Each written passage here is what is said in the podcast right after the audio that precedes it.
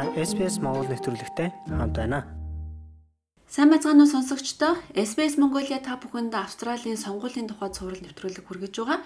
Энэ удаад бид нэр Австральд санал хураалтан ямар систем үйлчилдэг, австралчууд саналаа яаж өгдөг тухай мэдээллийг хүргэх гэж байна. Австральд нэр дэвшигчдийг ирэмлэн сонгодог. 18 болон түүнээс дээш насны Австралийн хууль ёсны иргэд сонгуулийн өдөр санал авах байранд өөрийн биеэр очиж саналаа өгдөгөө. Харин тодорхой тохиолдлуудад биечлэн болон шуудангаар урьдчилан санал өгч болдог. За зөвшөөрөгдөх шалтгаангүйгээр саналаа өгөөгүй бол тухайн хүн торгуулдаг юм байна. Парламентын хоёр танхимд нэр дэвшигчдийг сонгох хоёр саналын хуудсыг сонгогчдод өгдөг ногоон өнгөтэй саналын хуудас нь төлөөлөгчдийн танхимынх харин цагаан нь сенатыг сонгох хуудас юм. Энэ саналын хуудас нь Монголын саналын хуудсыг бодвол маш олон бөглөх зайтай байдаг. Монголын сонгуулийн саналын хуудсанд өөрийн илүү дүүцэн нэг нэр дэвшигчийг сонгодог бол Австралид хамгийн их таалагдсанаас эхлээд 1 2 3 4 гихчлэн дугаарлаж сонгодгороо ялгаатай байдаг. Үүнийг эрен бэлэн санал хураалт гэж монголоор буулгаж болох юм а. Тэгвэл сонгуулийн энэ систем яаж ажилладаг тухайд энэ удаад товч тайлбарлая. Энэ сонгуулийн систем Австральд өвөрмөц онцлогтойгоор ажилладаг. Иргэд парламентын хоёр танхимын саналын хуудсанд ирэх бүх нэр дэвшигчдийг өөрсдийн сонголтоор тус тусад нь дугаарлаж ирэмлэх хэрэгтэй. Энэ тухайд Австралийн сонгуулийн хорооны комиссар Эван Экен Смит ингэж тайлбарласан юм а. Yeah, when you come to a polling place, you get two ballot papers. Таныг санал авах байранд ирэхэд хоёр саналын хуудас өгнө. Нэг нь жижиг өнгөтэй байх бөгөөд энэ нь төлөөлөгчдийн танхим зориулагдсан, харин нөгөөх нь таны амьдарч байгаа муж орон нутгаас нь хамааран өөр байдаг.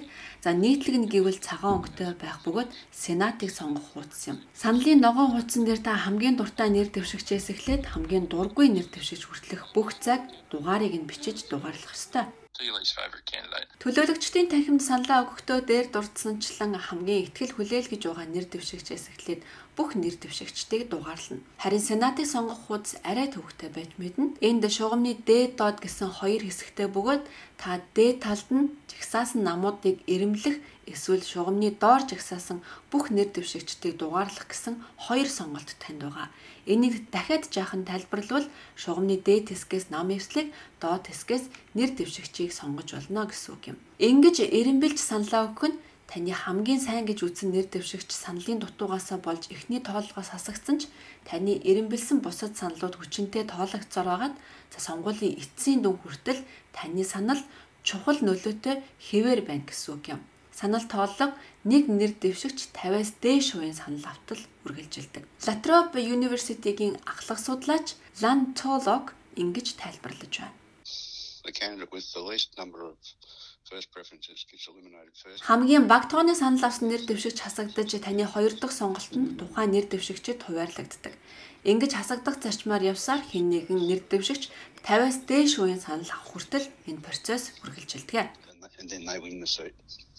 Саналаа өгч байхад гардаг нийтлэг алдаа юу байдаг тухайд одоо тайлбарлая. Австралийн сонгуулийн хорооны мэдээлж байгаагаар нийт саналын 5 орчим хувь нь саналаа буруу өгснөс эцсийн дүн тоологдох боломжгүй болдог гин. Үүнд нийтлэг хідэн алдаа гардаг гинэ. Саналын хуудасны дугаарыг давтах, тоог алгасах, бүх цаг дугаарлахгүй байх зэрэг нь хамгийн нийтлэг алдаа байдаг гэж тайлбарлаж байна.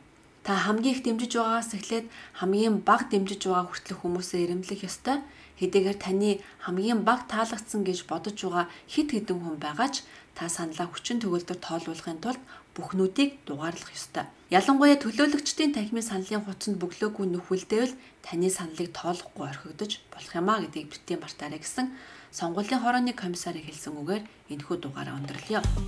SPS Монгол хэлээр бидний нэвтрүүлгийг Facebook сошиал хуудасаар бусдаа хуваалцаарай.